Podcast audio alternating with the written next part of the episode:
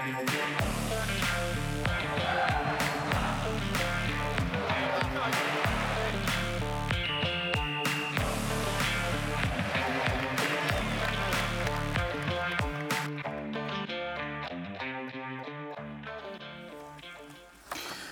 Rybner, du er sand fodboldelsker. Lad mig lige stille dig et spørgsmål, du skal svare helt ærligt på. Hvilken fodboldkamp vil du helst se? En Champions League-kamp med Manchester City eller en, en øh, Superliga-kamp med, med Lyngby Boldklub? Jeg vil til hver en tid gå på Lyngby Stadion. Hvorfor? Det er jo meget dårligere fodbold. Fordi det er et sted, hvor, øh, hvor øh, man kan mærke fodboldholdet. Det, det er et lokalt fodboldhold, og det betyder noget. Man kan mærke duften af græs. Det, det betyder noget, hvem der vinder. Jeg vil godt lige vise dig et billede, hvor du selv er med. Det er faktisk et ved at låne fra Lyngby Boldklubs uh, Facebook-side. Prøv at se pilen der. Der står du, Svend Rybner, under uh, sådan et banner. Holger Danske var Lyngby-fan. Det er jo sådan en næsten uh, leflen for, at I en gammel fodboldklub, eller hvad? Ja, det er fordi, vi er oppe i Helsingør. Ja. Uh, away, det var den sæson, vi rykkede op. Det var forrige sæson. Uh, og så er det jo meget sjovt, at, at der er nogen, der har lavet lidt lir med, med Helsingør og, og Kronborgs drenge, som de hedder. Ikke? Men der er du i det, du godt kan lide. Du er med dit eget fodboldhold til deres kampe, selvom det måske ikke er på Manchester City-niveau. Ja, det er sandt. Uh, og og det, det er der, sjælen er. Du kan, du kan mærke folk. Og det kan man ikke, når man ser Manchester City øh, spille, hverken på stadion eller i fjernsyn. Og vi elsker fodbold. I denne omgang udsendelse, hvis nok nummer 14, handler nemlig om at være fodboldromantiker. Og så handler det også om en øh, sportslig forbrydelse, der blev begået på en straffesparksplet i parken forleden. Prøv lige at kigge her. Det handler simpelthen om, det er en rekonstruktion, at en spiller træder på denne her måde på straffesparkspletten for at prøve at opnå en ulovlig fordel. Den situation skal vi tale om sidst i øh, programmet, hvor vi også skal kigge på den helt vilde afslutning, der venter i Superligaen, både i toppen og i bunden. Og så skal vi runde de første to semifinaler i, der er det jo også med Manchester City, i Champions League. Velkommen til Vi Elsker Fodbold. To hold lynede og to hold floppede i Superliga-toppen her i den forgangne uge i søndags og i mandags. AGF og Nordsjælland var simpelthen meget bedre end øh, Viborg og FC København, og derfor er der nu rigtig, rigtig tæt i toppen. Fire hold ligger reelt og slås om guldet. Også velkommen til dig, Lasse Føge fra, fra BT. Og du har tidligere i vores program siddet i samme sted, som du gør nu, og sagt, ja. at Superligaen er simpelthen så super fed. Er den blevet endnu mere super fed, end da du var for 5-6 uger siden? Jeg synes i øh, al beskedenhed, at det var et ret, øh, en ret god spot om, jeg kom med, øh, da jeg sad her for et par måneder siden. Altså, og jeg tror, at den har overgået vores, øh, vores vildeste forventninger. Altså, vi er i en situation lige nu, hvor fire hold kan rykke ud, fire hold kan blive danske mestre. Altså, der er jo, der er jo 10 hold, der har alt at spille for i de her sidste fire runder. Og der er to, altså Randers har måske ikke så meget at spille for, Brøndby har meget at spille for ja. i forhold til selvforståelsen og for at få pustet noget liv ind i, i den her klub, som er i turbulens. Inden vi lige kigger frem mod de sidste fire runder de, øh, i, øh, i Superligaen, både i top og bund, så lad os se resultaterne, som øh, de, de faldt ud i søndags og i mandags. Og det, der jo gjorde, at det blev endnu mere spændende, det var jo allermest i toppen, at AGF slog Viborg, og at Nordsjælland slog FC København. I bunden, der skal vi op øverst på skiltet, der var det, at OB uden problemer bankede Horsens, og Lyngby fik point mod topholdet FC Midtjylland. Og det gør jo, du sidder jo også og kigger på det her, Svend, fordi du holder med Lyngby, så du er glad for det der resultat, at I, I, I stadig har en, en, en chance. Ja, du sagde, at vi fik point. Vi fik tre point. Ja, tre point. Og det var det, der var forskellen. Vi har fået mange point i foråret, vi har bare ikke fået nok sejr. Ja. Lad os lige kigge på stillingen der, hvor Lyngby holder til, nemlig i, øh, i nedrykningen. Og der er det jo altså sådan, hvis nogen skulle være i tvivl, også hvis de ikke er nogen, der er i tvivl, at det er de to nederste, der bliver smidt ud af Superligaen, de fire øvrige hold klarer sig. Hvad skal vi sige, Lasse, om, øh, om det her? Fordi øh, for nogle uger siden, der sad man og tænkte, det bliver helt sikkert OB og Lyngby, men det behøver vi ikke sige nu. Nej, øh, de to klubber skal være glade for, at Horsens de, øh, har trukket håndbremsen rent pointmæssigt. Altså Horsens ligner, ligner jo ikke et hold, der får point med i den her øh, Superliga. Så lige nu ligner du et, et race mellem Lyngby og OB. Mm. Og øh, ja, og, om at skrabe flest point sammen der. Og de har også et indbyrdes opgør på, øh, ude på Lyngby Stadion, som jo altså, bliver altafgørende. Siger du og kigger over på Svend, ja. som vel også har vejet morgen. som sukkede dybt, ja. jeg sagde det. Men Svend, du har vel også fået, fået det håb, som du indrømme det, ikke havde for nogle uger siden. Der troede du ikke rigtig på det, vel? det jeg troede overhovedet ikke på det, nej. Det gjorde jeg ikke. Nej, det er dybt imponerende, hvad, hvad holdet har præsteret. Øhm, og at man overhovedet er med i, øh, i, i, i slutkampen her om, om, at der faktisk er en realistisk øh, mulighed for at redde sig, er imponerende. Øh, det var en del af målsætningen fra, fra træner Freja, ikke? at man, når, med de her fire runder tilbage, der skulle man stadig være inde i, inde i kampen, og det er vi. Og i den grad inde i kampen, fordi altså, de her sidste runder her, de kommer jo ikke til at handle om, om øh, trupbredde og hvor mange penge, der kastes i, ind i klubberne. Altså, det handler om form og nerver. Og Lyngby er jo i den der fede position, at man kommer bagfra, og man har noget at vinde hvor holdene foran Lyngby, altså især Silkeborg og Horsens har alt at tabe, så altså, jeg, jeg har en god fidus til Lyngby i de her sidste fire kampe. Siger, du så ind. jeg håber, du får ret. Øh, øh, problemet er jo, at, at øh, de, de hold, der ligger over os, de skal jo bare have et par uger gjort, ikke? og så kan vi ikke have ind på dem. Altså, vi skal vinde.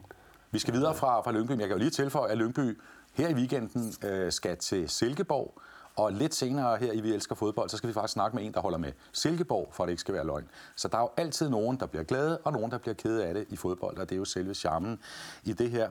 Lad os lige kigge på øhm, øh, op, op for oven på de seks øverste på mesterskabsspillet, hvor situationen jo også ændrede sig ganske dramatisk i den forgangne weekend, eftersom at FC Nordsjælland øh, kun vandt 3-2, men øh, reelt spillede meget bedre end FC København, og dermed overtog førstepladsen, og så AGF slog Viborg med, med, øh, med 3-0 i, øh, i Aarhus. Så derfor er de fire hold, de er sådan ved at være samlet. Der er kun fire point øh, fra, fra fjerdepladsen øh, til, øh, til førstepladsen. Så det der, øh, Lasse, med at FC København bare skulle kuste den hjem, den kan vi jo godt snart æde og sige, det, øh, det kan de ikke længere.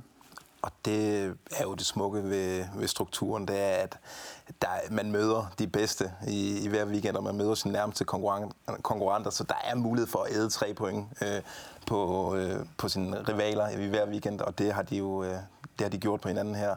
Og det virker også som om, at det er, der, det er ikke en fordel at ligge nummer et. Altså, det, der har man noget at tabe. Den der position, øh, jagteposition der, den gælder også op i, i toppen her. Det er ligesom i cykelløb, som du også dækker. Det er bedre at ligge lidt bagved i læ af de andre, fordi så, så får man ikke modvinden lige 100% og især i spurten her, som vi går ind i, fordi der, der skal man ligge i, i baghånden der, og så skal man komme øh, fra, fra den blinde vinkel. Ja. Hvor meget følger du med i toppen, Svend, altså selvom du har dit hjerte hos Lyngby? Ja, altså det, det gør man jo øh, øh, naturligt, fordi det er så spændende i begge ender. Øh, jeg synes, det her slutspilsformat, det kan noget, øh, og især i år, hvor, hvor der er så lige, er det jo dybt imponerende. Det er jo svært øh, at fjerne blikket fra, fra bunden af tabellen, men, men når man kigger op i toppen, så er det jo, der er jo ingen, der kan forudsige med nogen sikkerhed, hvem der bliver danske mestre. Det, og det, det er imponerende. Og der bliver intet, der bliver afgjort i fjerde sidste runde. Lad os lige se et, øh, et skilt med de seks kampe, der bliver spillet de kommende dage. Og de øverste tre, det er dem fra nedrykningsspillet. Der skal du, øh, undskyld, jeg siger, du starter ikke inden for Lyngby, Svend, men øh, Lyngby skal, skal til øh, Silkeborg. Midtjylland har Horsens, og OB og OB mødes også. Og det er, jo, øh, det er jo øh, tre kampe, som alle sammen, hvor der er meget på spil der. Og så er det i de nederste kampe, og det er mesterskabsspillet, Lasse. Og der er det jo højdramatisk, at AGF og Nordsjælland mødes, fordi AGF kan, hvis de vinder, så er de jo helt oppe i haserne. Så er de næsten Ja, så er de, så er de lukket hullet til, så er til Nordsjælland. Ja, så ja. er der et point op, og, og så, kan, altså, så kigger vi ind i et scenarie, hvor AGF måske, øh, i, hvis man tager den form, de kommer i en mente, og det giver de lige nu, og den øh, optog, de er i, så er de måske favoritter til at blive danske mestre. Hvor AGF. skørt det øh, end lyder. Ja, den, den vil jeg gerne lægge hånden på kogepladen. Og Vi har det på bånd nu. Ja. ja. Jamen prøv lige at forestille jer Aarhus øh, sådan en sommer, tidlig juni øh, dag der, øh, fuldstændig eksploderer. Altså Thomas Helmi ud over det hele. Ja. Hvad tænker du sådan set lidt udefra med din guldfavorit, Svend? Jeg er ikke helt utilbøjelig til at give Lasse ret. Øh, altså AGF, de har lukket, øh, sat en prop i deres forsvar.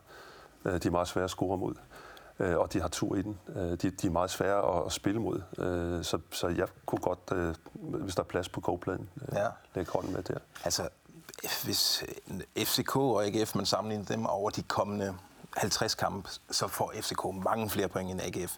Men de kommende fire kampe her, altså der har jeg mere fidus til, til AGF. Lad mig også nævne, det skal vi ikke snakke om nu, et drama i Brøndby på søndag, fordi der er derby igen igen.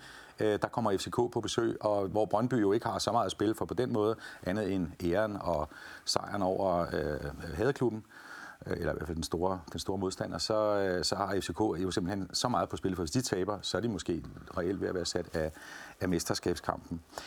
Øhm, vi forlader Superligaen for nu, men lidt senere i Vi Elsker Fodbold, så skal vi alligevel lidt tilbage til den for at snakke, som vi allerede strejfede først i programmet, om noget, der skete på en straffesparksplet forleden. Svend, øh, nu skal vi snakke om det, vi allerede har strejfet, din store kærlighed for Lyngby Boldklub. Hvornår, øh, hvornår var du første gang, du er 63 år i dag, hvornår var du første gang på Lyngby Stadion? Det var den 7. november 1971 til en kamp mellem Lyngby og Fremad Amager i 3. division. Ja. Det var ishammerende koldt. Der stod, en, som jeg husker, der en stiv kugling ind mod hovedtribunen. Jeg sad op på den gamle hovedtribune, som ikke var overdækket. Det var jo ret beset bare et, dør, sådan et dørtrin med, med nogle trapper på. Ikke? Dengang var du ikke hvidhåret, der var du lidt yngre? Ja, ja. der havde jeg lidt mere hår, lidt mere, der, der havde det farve også. Ikke? Jo. Øh, og det var iskoldt. Øh, vi tabte. Det var, Lyngby var stadig med i toppen om at rykke op i et division. Så tabte vi 1-0. Jeg tror, det var Jørgen Salomonsen, der scorede med lovet. Øh, og Lyngbys målmand havde øh, stribet trøje på, øh, og det kan man ikke. Altså, det var helt forkert. Men fra det øjeblik, der var jeg solgt. Hvorfor blev du solgt til et fodboldhold, som spiller dårligt og taber? Jamen, det var så stort at være på stadion. Altså, Lyngby Stadion var jo nok det største, jeg havde oplevet øh, indtil da. Øh, og følelsen af, at, at de rendte rundt dernede, og jeg var jo ikke ligeglad med, hvem der vandt. Og siden har du fulgt Lyngby på fuld skrald, primært på hjemmebane, men, øh, men år efter år? Og on and off, ja. Mm. Men øh, ja, ja, selvfølgelig. Altså, det, det er jo ikke noget, man vælger. Øh, fodboldholdet vælger dig, du vælger ikke dit fodboldhold. Vi har faktisk nogle billeder, du har selv sendt dem til mig, øh, Svend, af dig på stadion med øh, Henrik og Anders. Og I sidder jo fast der på tribunen og ser Lyngby. Indimellem en vinde en fodboldkamp. Hvad sker der, når I sidder der? Hvad, hvad, hvad, hvad har I for, for ritualer? Altså, vi starter jo gerne med, det er så en af de kampe, hvor vi kigger ned mod nedrykning. Der bliver man ikke glad, ikke? Nej, øh, det var der en del vi af. plejer, øh, mig og Henrik, vi plejer at mødes over ved Finde Ind over for stadion. Finde Ind? Ja, det er sådan, øh, eller var et øh, lille øh, værtshus over for stadion. Jeg ved ikke, hvor officielt det var et værtshus, men man, man kunne i hvert fald købe øl kontant. Ja. Øh, og Finn, han, øh, han serverede for, for kunderne, og der var plads til tre, fire bord, tror jeg, indenfor. Øh, og og der var gemytlighed til stede. Det var sådan der rituelt, der skulle vi lige øh, ind og have en pilsner, inden vi gik over på stadion, der, hvor det faktisk er nemmere at købe øl, men det var, det var rigtig hyggeligt. Finn lever desværre ikke mere end døde for en måneds tid siden. Ja. Under kampene, hvordan opfører du dig? Nu sidder du og ser sur ud på nogle af dem. Er du sådan en, der sidder og skriger og råber, eller? Nej, altså vi har en, øh, skal sige, en meget stor intelligensreserve placeret på den række, hvor vi er. Øh, der bliver sagt, øh, der kommer nogle meget kompetente analyser af kampen, og nogle, en hel del forslag til, hvad træneren burde gøre. Også for dig? Ja, ja. Du sidder og griner, Lasse. Jamen, det er forrygende. Det er jo, jeg kan genkende det der for mig selv. Jeg er også rigtig klog, når jeg sidder og ser fodbold. Ja, du har jo, det kan jeg huske, du fortalte sidst, du var her, du har jo så en, øh, en barndom i, i Odense. Ja, og jeg har nærmest samme smertens fortælling med, at øh, altså, jeg blev valgt af, af OB og ikke omvendt, og, og måtte gå igennem ja, nogle helvedes år. Øh, Fordi alle dine kammerater holdt med Brøndby, ikke? Jo, alle, ja, de fleste af mine folkeskolekammerater, de holdt jo med Brøndby, for Brøndby var gode i, i start 90'erne, da vi begyndte at følge med i, ja. i fodbold. Øh, det er jo klart, at du holdt med OB, fordi du også var Odense-dreng. Eller klart er det jo ikke, når der var nogen, der holdt med Brøndby alligevel, selvom de var derfra. Men Svend, prøv at forklare mig, hvorfor holder du med et fodboldhold, som øh, godt nok er i Superligaen, men det er jo altså ikke det bedste hold? Altså, det, det, det håber sig op. Altså en eller anden dag øh, opdager man, at man ikke er ligeglad om holdet vinder eller taber. Øh, så, så, så det kan man ikke bare løbe fra. Man kan ikke købe sig fra. Man kan ikke sætte, tage, tage tabellen i en eller anden stor liga og sige, det hold vil jeg gerne holde med. Øh, sådan fungerer det ikke. Øh, når først det, det er sket, så er det sket, og så kan man beskylde os for, at vi er meget interesserede i fodbold, men vi ikke, at vi ikke har så meget forstand på det, fordi vi holder med de hold, vi gør. Ikke? Ja. Øh, men, men første gang, jeg var på Lyngby Stadion, der kunne jeg mærke altså, duften af græs. Jeg kunne mærke, at det var rigtige mennesker, der løber rundt dernede. I modsætning til, når jeg sidder og ser fjernsyn, Premier League, Champions League, det er nogle hold, som som jeg kan forholde mig til. Øh, det er, de, de, altså rent teknisk øh, og taktisk er de jo dygtigere nu end, end nogensinde. Øh, jeg arbejder med fodboldhistorie, så jeg har jo også studeret, hvordan man spillede i, i gamle dage. Ja. Og det tekniske niveau er jo helt forrygende. Øh, men, men det er blevet så dygtigt, og, og spillerne kommer fra alle mulige dele af verden. Øh, og det gør de selvfølgelig også mange af dem, der spiller for Lyngby. De, de er jo ikke født og opvokset i Lyngby. Mm. Øh, men der har man trods alt nogen fra, fra ungdomsafdelingen, der kommer op. Ikke? Men det, jeg vil sige med, med det tekniske, det er, at de er blevet så dygtige nu, at det begynder at ligne øh, ballet.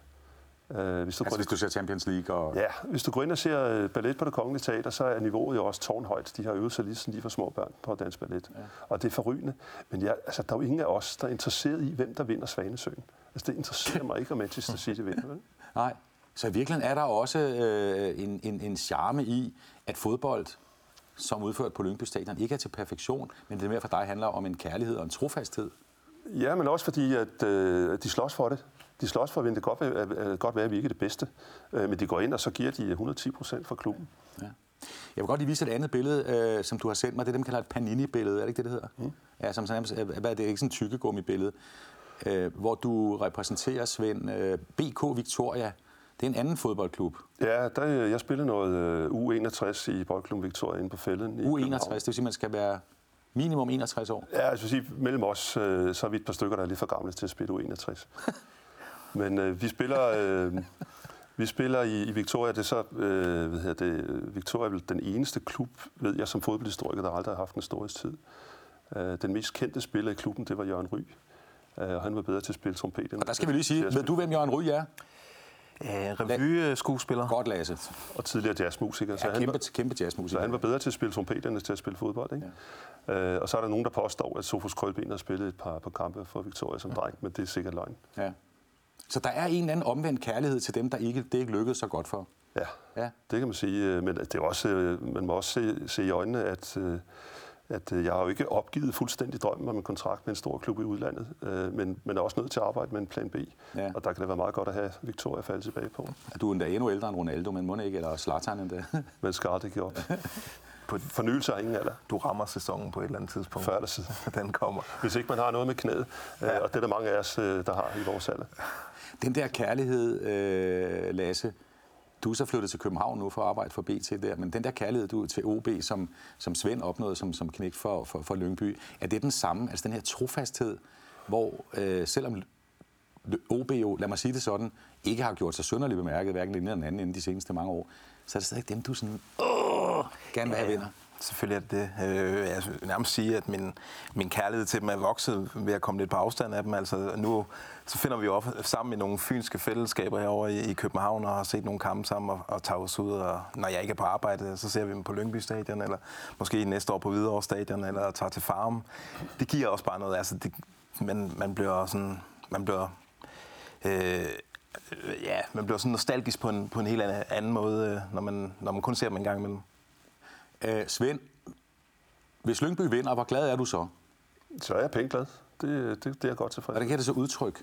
Øh, Ja, altså, hvis du, er du, er du, sidder du sådan med botthornet i bund på vejen hjem i bilen, eller hvordan det nu? Nej, men jeg kan huske, vi har været før, i, i, øh, hvor vi var ved at redde os i Superligaen, og så, øh, så, så tabte vi en kamp, jeg tror, det var til Horsens. Mm. Der var jeg ude at køre bil, og da, da Horsens får udlignet, tror jeg det var, øh, og hvilket var lige præcis det resultat, vi ikke kunne bruge, der var vi at køre i grøften. Ja. Øh, og det, der blev egentlig lidt overrasket over, hvor meget det påvirkede mig.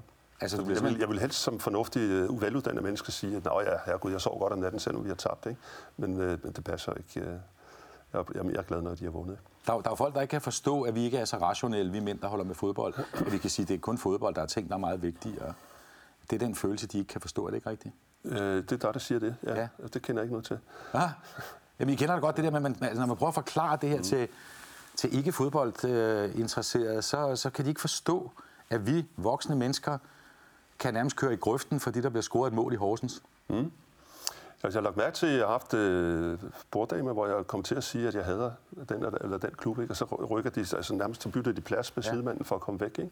fordi de tror, man er sådan en voldsmand. Ikke? Det er jo også en talemåde, der er en jargon i det også, ikke? Ja. og man kan sige, at man får afløb for en masse sådan, private følelser, når man sidder på et fodboldstadion. Ikke? Det, det kan man høre rundt omkring på, på tribunen, og det er der mange andre, der også gør. Ikke?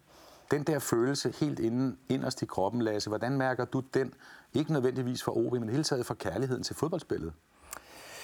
Altså, jeg har jo det problem, at jeg er begyndt at arbejde med det sådan lidt professionelt, så jeg skal også som regel sidde og... og øh, jeg har en deadline øh, som regel, når jeg er ude at dække landskamp. Øh, så nogle gange så sidder jeg jo, hvis Danmark er bagud 1-0, og det er farligt at sige det, så kan jeg jo godt sidde og håbe på, at de 10 minutter før tid også kommer bagud 2-0, fordi så holder den vinkel, jeg er begyndt at skrive. Nej, nej, nej. Så på den måde har...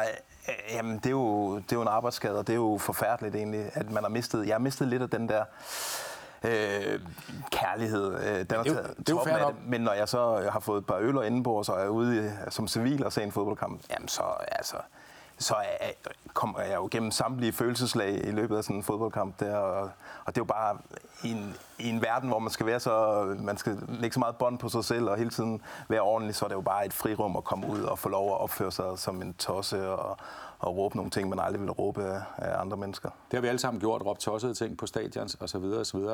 Tre fodboldfans i studiet. Nu skal vi faktisk møde en fjerde trofast dansk fodboldfan. Han hedder øh, Christian Ditlev. Han har altid hver eneste søndag ude og hjemme denne her trøje på, nemlig Silkeborg IF, som han har holdt med øh, i øh, over 30 år, hvor han har været fastmand til stort set alle Silkeborgs kampe ude og hjemme. Og så blev øh, Christian Ditlev Danmarks berømt, da TV2 Østjylland fulgte ham under en kamp på Silkeborg Stadion i 2013. Prøv lige at se med her. Kom nu, Dennis, så er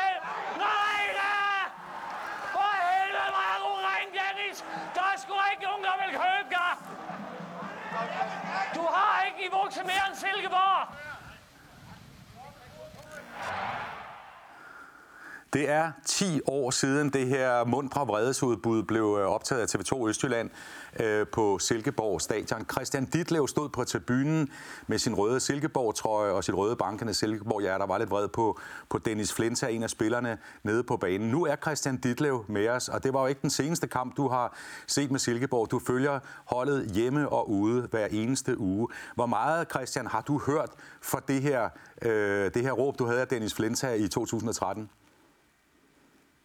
Og en hel del. Jeg vil sige, øh, jeg var til landskamp i Viborg fire dage efter det blev optaget, og der blev jeg sådan rimelig genkendt. Ja. Og jeg hører stadigvæk for det. Du er 41 år gammel, øh, Christian Ditlev, og du står nu der, hvor du arbejder hos øh, øh Skatteankestyrelsen øh, øh, i Silkeborg. Men hvor mange kampe har du i dit liv set med, med, med, med Silkeborg IF?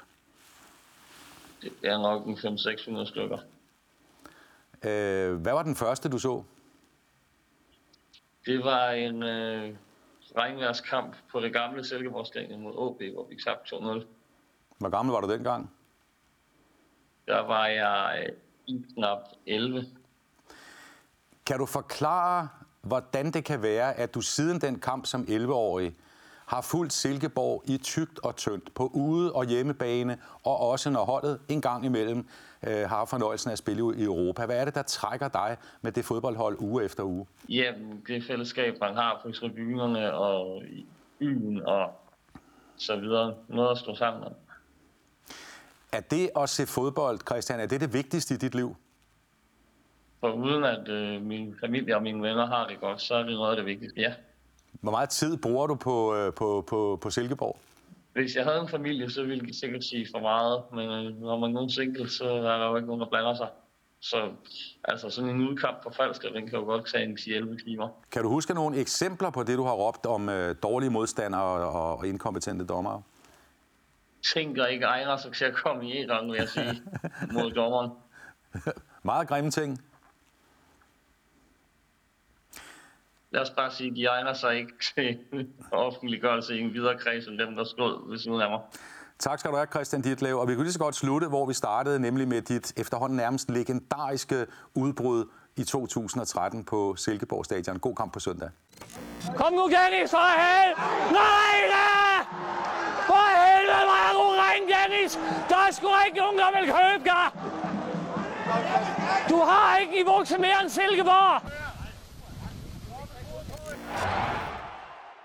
Jeg elsker at se reaktionen fra Dennis Flenta, der øvrigt bagefter kommenterer, at han har skrevet under med en ny kontrakt med Silkeborg, så han har alligevel niveauet, selvom Christian Ditlev, vi mødte her, øh, mente at en kampsituation, at det havde, det havde Flinta ikke. Øh, og det var altså fra 2013, jeg skal også sige tusind tak til TV2 Østjylland, fordi vi fik lov til at låne klippet her i, i Vi Elsker Fodbold.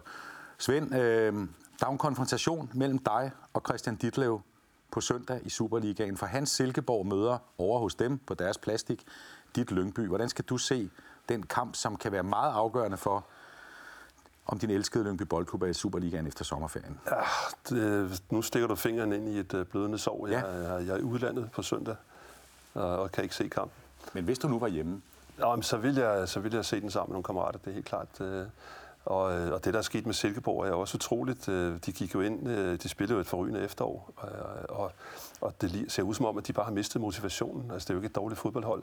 Så, så der, alle siger, at Lyngby har momentum, og, og vi kan godt vinde osv. Lad, os, lad os nu se. Silkeborg er ikke et dårligt fodboldhold.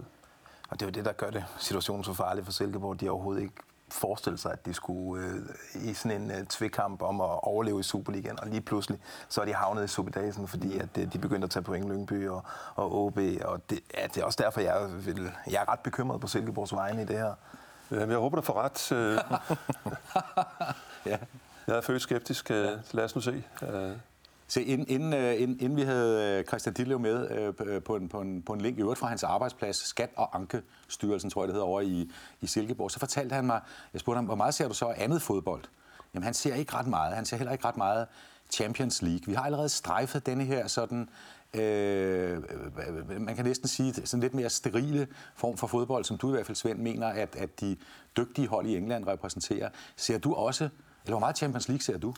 Jeg, ser, jeg så kampen i, øh, i tirsdags, øh, fordi øh, Real Madrid var med. Ja. Øh, dem holder jeg også med. Det kommer vi måske ind på Det kommer vi på lige om lidt, ja. Øh, men øh, ellers så, så gider jeg stort set ikke at se det. Øh. Hvad, hvad med dig, Lasse? Jeg har det lidt på samme måde. Det er, altså, vi er også gennem... Altså, I gamle dage, så, så kunne der være sådan en, en måned mellem, at man så nogle af de store hold mødes, men i, i dag, der bliver vi jo stopfodret med det hver eneste weekend øh, fra England, fra, øh, fra Frankrig, fra Italien. Altså, vi kan jo se al den fodbold, vi vil se, og Champions League, det lider under det. Jeg, det, det tænder mig ikke super meget mere. Altså, jeg er også meget mere på en, øh, en Horsens øh, OB-kamp, end jeg er på en øh, Real Madrid mod Manchester City. Det må jeg indrømme. Svend, du strejfer det selv, at du har jo noget med Real Madrid. Og vi har et, endnu, sådan, en, endnu et af de der Panini-kort. Fortæl lige, hvad er et Panini-kort? Ja, det er jo øh, samlekort, som øh, et firma, et pastafirma, der hedder Panini, ja. begyndte at producere tilbage i 50'erne, tror jeg. Og det er det der dem, der er svære at få, det er det der, ikke? Det, der, det er rigtigt uh, sjældent. Ja. Øhm, og, og det afspejler jo, at, som jeg var inde på før, at drømmen om en kontrakt i udlandet, den, den dør aldrig helt. Altså, øh, så øh, ved jeg, det, Ancelotti er klar. ja. I er også jævnaldrende? Øh, ja, det er ja, rigtigt. Det er faktisk. Ja. ja. Carlos Carlo Ancelotti, deres, deres træner. Men, men, din, men din interesse for Real Madrid, den har jo også en historie. Det har også med, med min ulykkelige barndom at gøre. Øh, mine forældre havde lånt et sommerhus i, i Blåvand, øh, da jeg var 8-9 år gammel. Og der op på, på loftet, der lå der en bog om øh, Real Madrid, øh, som øh, tv-journalist Palle Holgersen havde oversat fra hollandsk. Øvrigt, øh, det var en bog om Di Stefanos og Puskas øh, Real Madrid. Det helt store hold fra øh, 50'erne og starten af 60'erne. Og den læste jeg i sommerferien, og så var jeg solgt. Øh, og øh, der var jeg 8-9 år, og det var inden jeg havde set Lyngby. Øh, og det var først som voksen, jeg fik set Real Madrid spille, øh, fordi de viste jo ikke spansk fjernsyn i, øh, i dansk tv. Så i virkeligheden kan man sådan stramme det lidt op og sige, at grunden til, at du ser øh, kampen fra Madrid øh, i tirsdags mellem Real Madrid og Manchester City, det er allermest, fordi du har fra din barndom en kærlighed til Real Madrid? Så er det blevet min... Øh, jeg er historiker og arbejder med spansk historie og, også, og spansk fodbold. Øh, så det er også blevet min skæbne, kan man sige, Real Madrid. Og så er der den forskel på Manchester City og, og, og Real Madrid. Altså, de er begge to verdensbrands og, og fører sig jo frem i, i Mellemøsten og i Asien på de store markeder og, og, øhm, og tiltrækker jo et, et nyt publikum ud i verden. Men for mig er forskellen, at Manchester City er, er hvad hedder det, et klinisk, øh, sterilt produkt, som det, det ligner de der øh, robotplæneklipper, der bare kører rundt på en græsplæne. Hvor øh, Real Madrid er jo stærkt forankret i, i spansk kultur og historie. Det er som FC Barcelona Barcelona. Er det fodboldspillet, du taler om nu? Altså måden, man ser ja, dem på det, banen? Det er klubben. Ja. Øh, som, som, øh, hvor selvom øh, Real Madrid og Barcelona er verdens brand, så er de jo også meget stærkt øh, knyttet til det, der sker politisk og socialt i, i, hjemme i, i Spanien. Og, og det interesserer mig. Men når du så, øh, når du så siger, at at Manchester City er nærmest som robotplæneklipper, sådan lidt et fremmed element, en UFO, der er landet midt på det hele. Altså, de har jo også en historie, men Jamen, den har, de, øh, den har de fjernet sig fra i mine øjne. Ja, det, det er Manchester City, som var Øh, er ikke det Manchester City, der findes i dag. Altså i dag er Manchester City forretning. Manchester City på mange måder, ligesom Real Madrid, det erkender jeg, er jo blevet et, en, øh, en del af den globaliserede økonomi, øh, hvor man henvender sig, hvor kernepublikum ikke længere er i Manchester, men i Asien. Og, og Manchester City var vel arbejderklubben i Manchester af, af de to. Og, og i dag der er det jo et, øh, altså, der er det jo bare et hypermoderne øh, forretning, altså med et træningsanlæg, som er helt surrealistisk, og der er, der er godt nok ikke meget main road eller arbejdermentalitet over den klub lige nu, eller deres stadion for den sags skyld. Det er også... Øh, der er, det, er, det virker også som om det er sådan en, en turist, et turiststadion. Det, det synes jeg er meget Premier League er blevet i det hele taget. At det er meget ofte turister, når man kommer på stadion, så sidder mm. man blandt nordmænd og finder og, ja. og andre danskere. Ja. Øh, jeg kan faktisk huske, jeg var på, på, på White Hart Lane, det gamle Tottenham Hotspur Stadion, for, for et par år siden, altså inden de byggede det nye. Og jeg havde min søn med, og nu skulle vi rigtig se den engelske fodboldkultur.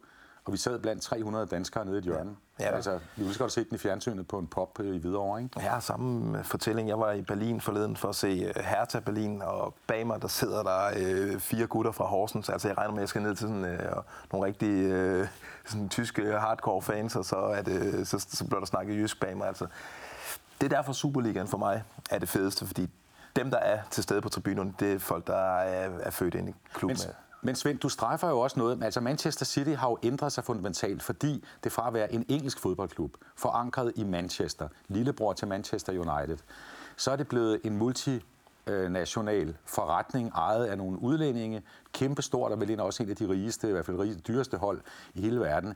Der er nogen, der siger, at det her med, at fodbolden er ved at fjerne sig fra det almindelige menneske, altså forankringen er væk. Er det der, øh, din uinteresse, for eksempel for Manchester City? Ja, det er det. Øh, men, men altså igen, altså, øh, man skal heller ikke være naiv. Altså, de, det har jo altid været sådan, at de bedste hold havde flest penge, og de kunne købe de bedste spillere, og de bedste hold, de plejer at vinde. Mm. Sådan har Real Madrid jo også været, og FC Barcelona historisk. Ja. Så på den måde kan man sige, at er der jo ikke noget nyt under solen. Det, det nye er måske, at, at at de, de markeder, man henvender sig til, ikke længere er hjemmemarkedet, altså øh, byen Barcelona, byen Madrid, øh, byen Lyngby.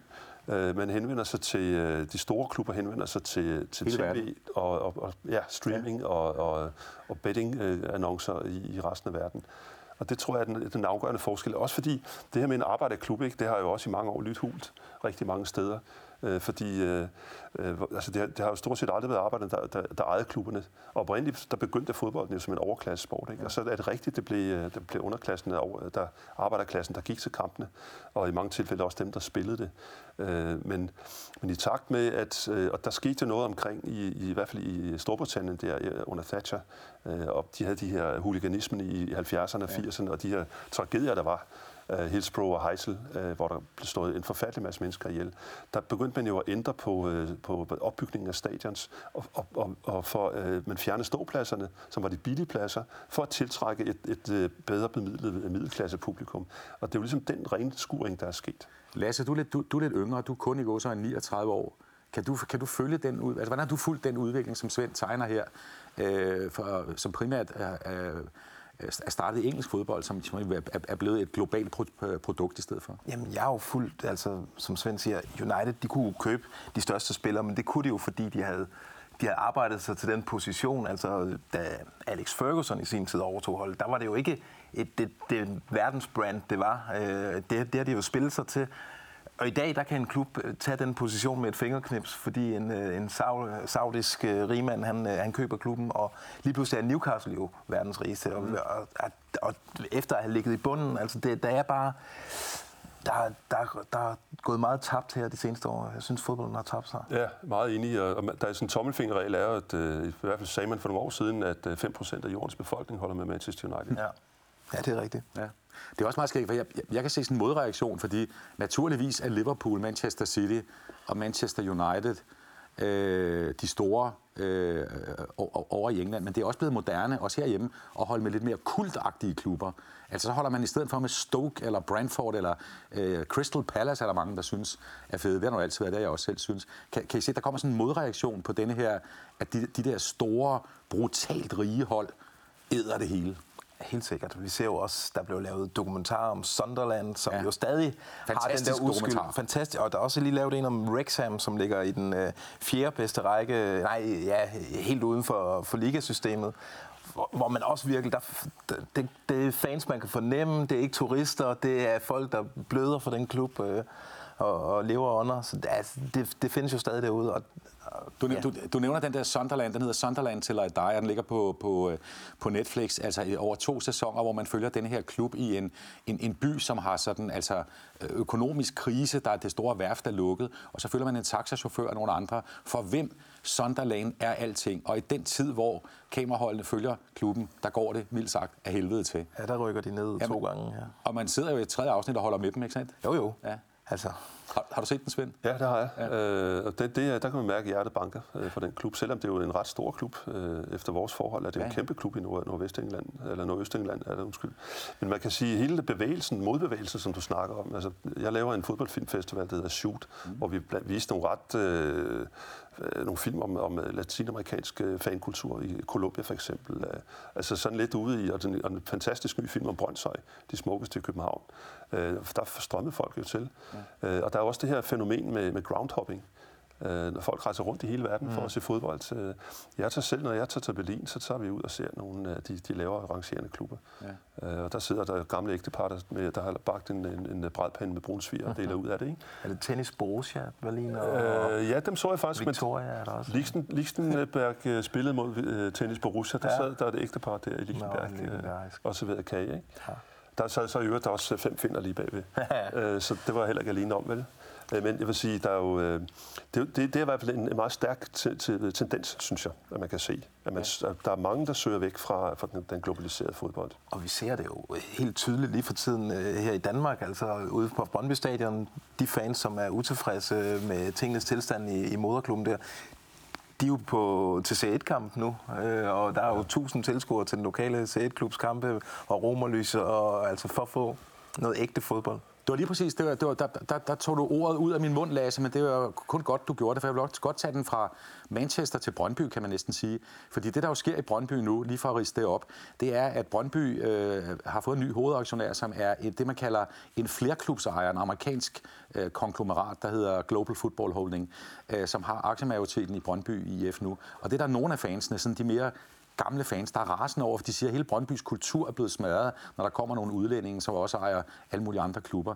Og det er jo et opgør, der er i klubben, de ikke kan blive enige om, og fans, der simpelthen øh, bliver væk. Men der, man kan vel også godt sige, det er jo en romantisk opfattelse at tro, at Brøndby kan overleve på, øh, øh, øh på stadionindtægter og en eller anden tilfældig aktionær. Det er det, men det er jo det var meget forudsigeligt, at det vender sådan her. Det er jo en forening. Altså Brøndby er jo fællesskab og forening, der møder forretning, og det klasse der, det, det er jo det, den turbulens, Brøndby står i lige nu. Øh, og, og selvfølgelig kæmper de her fans nok en forgæveskamp, og de står og, og slår ned i, i noget vand, men jeg synes også, det, det tjener dem til ære at, at gøre noget modstand imod den her udvikling, fodboldudvikling. Jamen, jamen lige præcis, hvis man tænker rationelt, så er det selvfølgelig det rigtige at Brøndby får så mange penge som muligt, ligesom som FCK har FC Midtjylland, så de kan købe de bedste spillere og bygge deres stadion op og alt sådan noget. Så det er, ret, det er et rationelt argument, det er der ikke noget vejen med. Men hvis man nu holder med en klub med hjertet, så gør det selvfølgelig nas at se, at der kommer en amerikaner og, og, og, og, og, og virkelig køber magten og, øh, øh, ja, retten, retten til at, at dirigere klubben. Ja, og det kommer an på, hvad vil man med, med sin fodboldklub? Altså, handler det om at vinde øh, mesterskaber for, for, som fan, eller handler det om at have det her fællesskab, hvor man, ved, øh, man kan føle klubben, og man føler sig som en del af den, og, man, og klubben er ens identitet? Det er svært for, for de her Brøndby-fans at identificere sig med en mand som David Blitzer, som er en af de her øh, investorer, som er en gennemført skidtkale. Hvad siger den gamle fodboldromantiker? Jamen, jeg kan, altså, det er jo øh, det er en tragedie virkelig, øh, der er sket i Brøndby. Ikke bare for Brøndby, men for hele dansk øh, klubfodbold. Øh, det kunne være hvilket som helst anden klub. Øh, det ville være lige så forfærdeligt med de her flere klubejere. Det ødelægger. Men det er jo ironisk også, at lige netop Brøndby, som gik først og forrest, da der blev indført professionel fodbold i, i Danmark, i øh, 86 var de den første heltidsprofessionelle fodboldklub i Danmark. Alene da Brøndby blev ramt i nakken af den her udvikling. Den her, øh, de var med til at sparke gang i, i globalisering, om man vil. Og nu øh, bliver de hårdt ramt af, at... Øh, og, og jeg kan godt forstå, at man ude i Brøndby reagerer øh, særligt på det her, fordi man har haft... Det er så i mine øjne lidt en armestue-historie om, at det er en medlemsdrevet klub. Mm. Øh, fordi det har det jo ikke været siden 2013, øh, da Jan Bæk Andersen kom til. Øh, men indtil det tidspunkt, der var det jo stadigvæk amatørafdelingen, der havde en vetoret over for, hvad der skete i klubben. Mm. Det, det har de så ikke haft i 10 år. Øh, men, men den, her, den måde, man identificerer sig med klubben på ude i Brøndby, det er jo en by, der er blevet bygget på den bare mark i, i 60'erne og 70'erne med parcelhuse og etageejendomme. hvor ingen havde familie på stedet, øh, da de flyttede dertil. Og så bliver idrætsforeningen jo et sted, hvor man kan gå ned og skabe en ny fælles identitet. Øhm, og nu er man så blevet opkøbt af en kapitalfond, som ejer syv andre fodboldklubber. Så fra at være øh, Vestegnens centrum, så er man blevet øh, en i rækken af, af, otte klubber. Det er jo hele selvforståelsen, der er på spil i det her. For den, hvad kan man sige, øh, den kærlighed Brøndby-fans havde og har fra starten i, var der noget af 64, ikke? Øh, da man slog de to øh, øster og vester sammen. Og så, øh, det, det, det er jo den, der er på spil. Jeg tænker nogle gange, kan vide om det Brøndby, som har den der specielle, hvad kan man sige, det, det specielle image, de har haft siden, siden dengang, og ikke mindst i 90'erne, hvor de spillede godt, om det er glemt om 10-15 år, så er det bare en fodboldklub ligesom de andre. Det håber jeg ikke. Altså, jeg, kan, jeg, jeg er jo vild med tanken om, at klubberne har hver deres identitet, og at der er noget specielt. Og det der med Brøndby, altså, de har jo i årvis øh, øh, øh drillede FCK med en plastikklub øh, og øh, aktionærernes klub og sådan noget. Nu er Brøndby det første, det første danske hold, der blev sådan en del af en flerklubs ejer, øh, investorgruppe, øh, og er på udenlandske hænder, og altså alt det, som man har regnet med vil være FCK's næste træk, der er Brøndby nu. Ikke? Og det skal jeg snakke mere om om en uge med den gæst, jeg har der. Vi ser sidst i udsendelsen, hvem det er, for det er en, der ekstrem grad repræsenterer Brøndby IF, der sidder der, hvor I to sidder i aften i, øh, i Vi Elsker Fodbold om en uge. Nu springer vi lige til noget andet, fordi øh, vi skal også lige snakke, selvom øh, du ikke gider til Manchester City særlig meget, så var du godt til Real Madrid, og der har jo været to øh, semifinaler i øh, Champions League, verdens største klubturnering, som Niels Christian Frederiksen og kompagni siger hver andet øjeblik. Øh, vi kan lige se resultaterne af de to semifinaler her. De blev spillet tirsdag og onsdag. Real Madrid, og der er du glad, Svend Rybner, scorede et mål. Desværre så udlignet Manchester City i anden halvleg. Og så brød AC Milan i byopgøret, de italienske byopgør, sammen øh, på hjemmebane mod Inter. Øh, og var bagud 2-0 efter 20 minutter, sådan endte kampen også. Øh, nu kommer det rigtige lortespørgsmål. Hvem kommer i finalen? Vi har en kamp til næste uge. Jeg tror godt, jeg tør sige, at Inter kommer i finalen. Jeg tror, Selvom at uh, Milan jo ikke som sådan skal på udebane i det, næste opgør, det er jo samme stadion. Men uh, Inter er så godt kørende for tiden og har ramt en, en formkurve også i Serie A, og, og Milan har mistet deres bedste spiller i Liao, der, der er blevet uh, skadet. Så jeg kan ikke se dem uh, komme tilbage i det opgør. Er du enig, Svend? Det er jeg enig i. Og med, med hensyn til den anden kamp, der vil jeg sige, som en politiker vil sige, det bliver interessant at følge.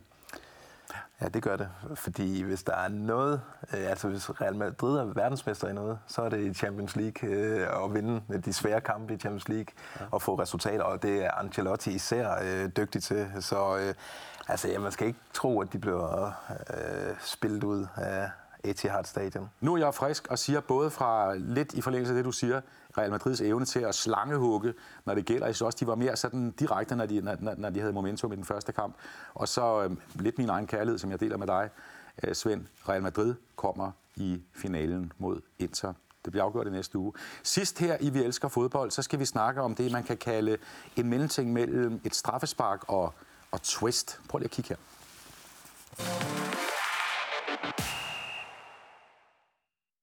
om, øh, Øh, det er en meget omtalt episode fra semifinalen i den danske pokalturnering i anden kamp, øh, hvor øh, FC København får et straffespark ved stillingen 3-2 til FCK. Og på det tidspunkt øh, er det straffespark afgørende for, hvem af de to hold, der går videre, eller hvis FCK scorer, så kommer de i finalen. Men inden, øh, inden det, det, der bliver skudt, så kommer Nordsjællandsspilleren Jakob Sten Christensen i fokus, fordi han laver en operation, mens bolden er ude af spil, som jeg godt lige... Altså, vi må ikke vise klippet fra det, han gør. Vi er altså på vej til et straffespark, for vi må ikke fra divisionsforeningen vise klippet, men vi har lavet en rekonstruktion. Prøv lige at kigge med her. Så det her det er straffesparkspletten, og her er Jakob Sten Christensen, Jakses støvle. Han træder så, vrider, twister på straffesparkspletten her i langsom gengivelse. Det har vi altså selv lavet herude i gården på DK4. Og det gør han for at gøre underlaget for fodbolden ujævn når Diogo Gonçalves fra FC København skal sparke øh, et minuts penge efter. Og det her, det er jo ekstremt usportsligt, men det er altså blevet filmet og dokumenteret, at det gør ham der Nordsjælland-spilleren. Lad mig lige spørge jer. Det her, det er jo dokumentation, som kun vi på DK4 kan lave det. Ja. Er det i orden, at en fodboldspiller lige sådan generer modstanderen på den måde? Øhm, ja, eller det er selvfølgelig ekstremt usympatisk og unfair, men nu snakker vi om fodboldromantik, og øh, jeg synes jo, at fodbold, der skal både være helte og skurke i fodbold. Og hvor vil fodboldhistorien være fattig uden skurkene? Altså, hvor vil vi være fattig uden øh, Maradonas Guds hånd i 86? Øh, det, spøgelsesmål i 66, Jeff Hurst øh, øh, og... I finalen mod Tyskland, ja. Ja, vi kan ja, blive ved med at... Altså, alle de her, det, er jo, det er jo sådan noget, vi sidder og snakker om, og det har vi brug for.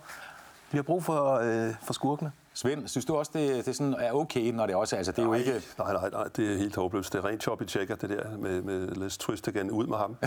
Øh, men, men altså, fordi vi, det er jo rigtigt, vi har brug for skurker helt i fodbold, men han er for farm, så der, han er jo skurk nok i forvejen. Nej, det er jo så Lyngby-manden, der taler. Øh, jeg synes også, der er også noget menneskeligt. Altså, han vil jo bare så gerne i pokalfinalen, og så vil han gøre alt med lovlige og ulovlige midler for at, at sørge for, at det sker. Det er der noget menneskeligt i. Det kan jeg godt sætte mig ind i. Jeg Og tror, skal jeg har man- gjort det samme. Man skal jo altid give den anden part lov til at svare, og det kan vi heldigvis godt i det her program. Fordi sønderen, der altså laver det her twist chop i tjekker trækket på strafsparkspletten i parken forleden, han hedder Jakob Sten Christensen.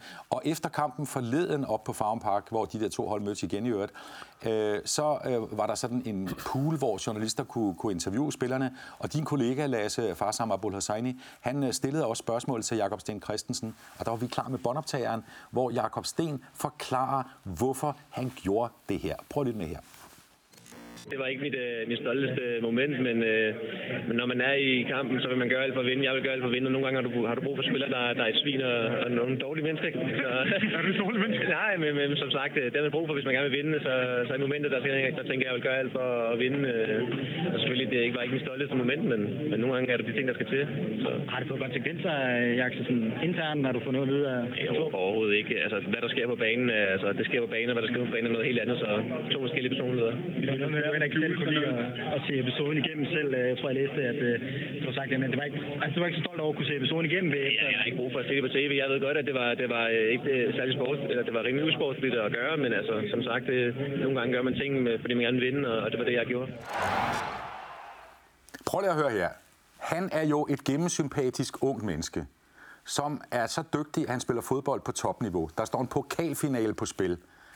Og det han jo siger her, det er, at det er selvfølgelig ikke hans stolteste øjeblik, og man skal være et svin nogle gange. Du har jo ambitioner om at spille for Real Madrid. Vil du ikke gøre det samme, hvis det handlede om at vinde, Svend? Hvis du forstår, hvad jeg mener. Nej, det er måske derfor, jeg ikke spiller for Real Madrid.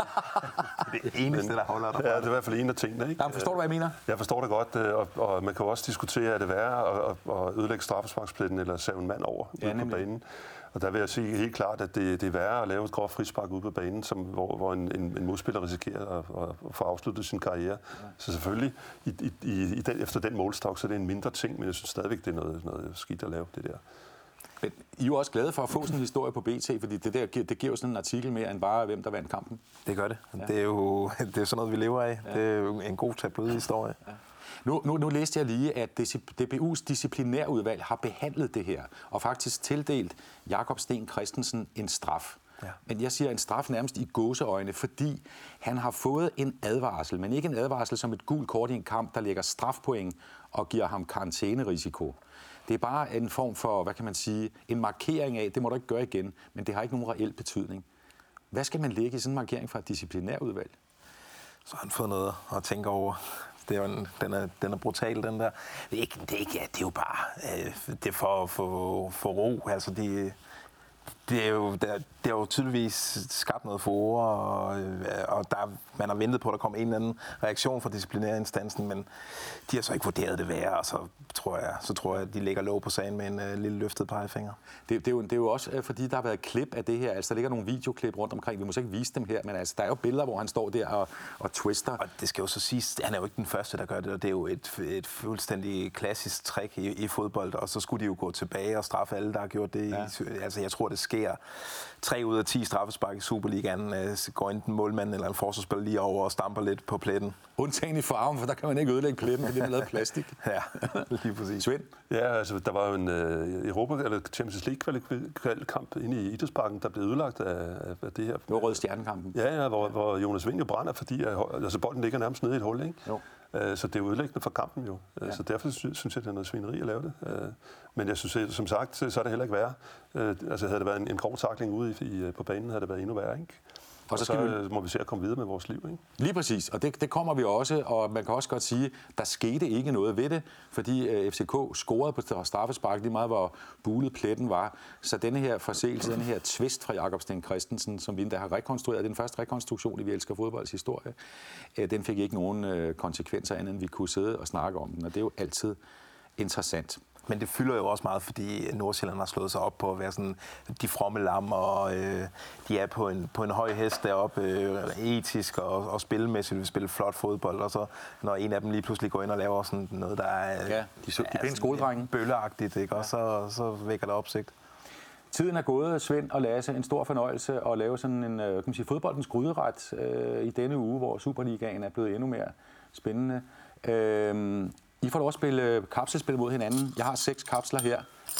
Øh, jeg vil lige spørge jer, øh, min gæst næste uge er jeg også glad for at have, ligesom jeg er glad for at have jer som gæster.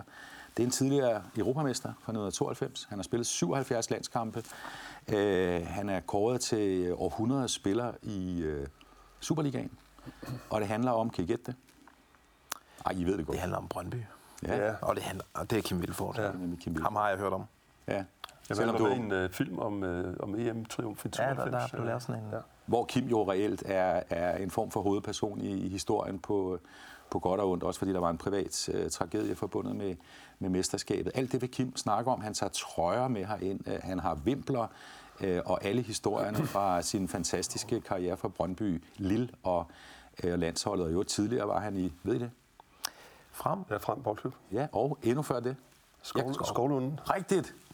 Der kom han som teenager til, øh, til frem. Kim Vilfort sidder i, øh, i stolen næste uge, mens vi lige sætter os på plads. Altså, Svend, vi bytter plads. Ja.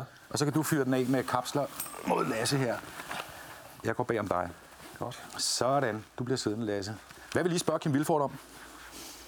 Var der øh, toren med hånden i finalen øh, i en 92? Det Ja. er der jo mange, der siger. Jeg synes, jeg har set en vinkel, hvor man tydeligt kan se det. Kinden, han lige, han lige lægger den til ret med. Ja. Hvis der har været var, I kan bare begynde at spille. Du, du, du starter, Svend.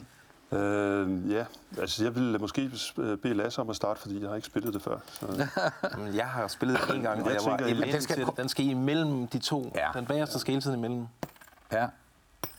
Det går meget godt. Og den er der endnu, men det der, det, det slipper der godt fra. Og så skal den altså ned, ned i mål. Hvad, hvad vil du spørge Vilfort om? jeg tror, jeg ville spørge ham om, hvordan det er at være inde i klubben Brøndby lige nu, øh, med det, der foregår omkring klubben. Ja, hvor han er talentchef i dag. Ja. Ja. Øh, fordi hvad er holdningen øh, inde i klubben? Øh, det kunne være interessant at høre om. jeg. Øh, også rent menneskeligt, øh, fordi det er jo ikke bare en maskine. Det er jo, det er jo mennesker, vi har med at gøre. Og Og I ved godt, hvad der er på spil i det her, ikke? Vilfort kan også vinde en næste uge. En øh, DK4 guldpul. guldpul. Du fik den sgu da sidste gang. skal den over baglinjen? eller sådan? Ja, den skal ned her. Der er scoret. Du har allerede kuglepinden. Jamen, du må godt spille videre, Lasse. Jeg er jo elendig. Yes. Så, så fik jeg de dårlige kræfter her. Ja.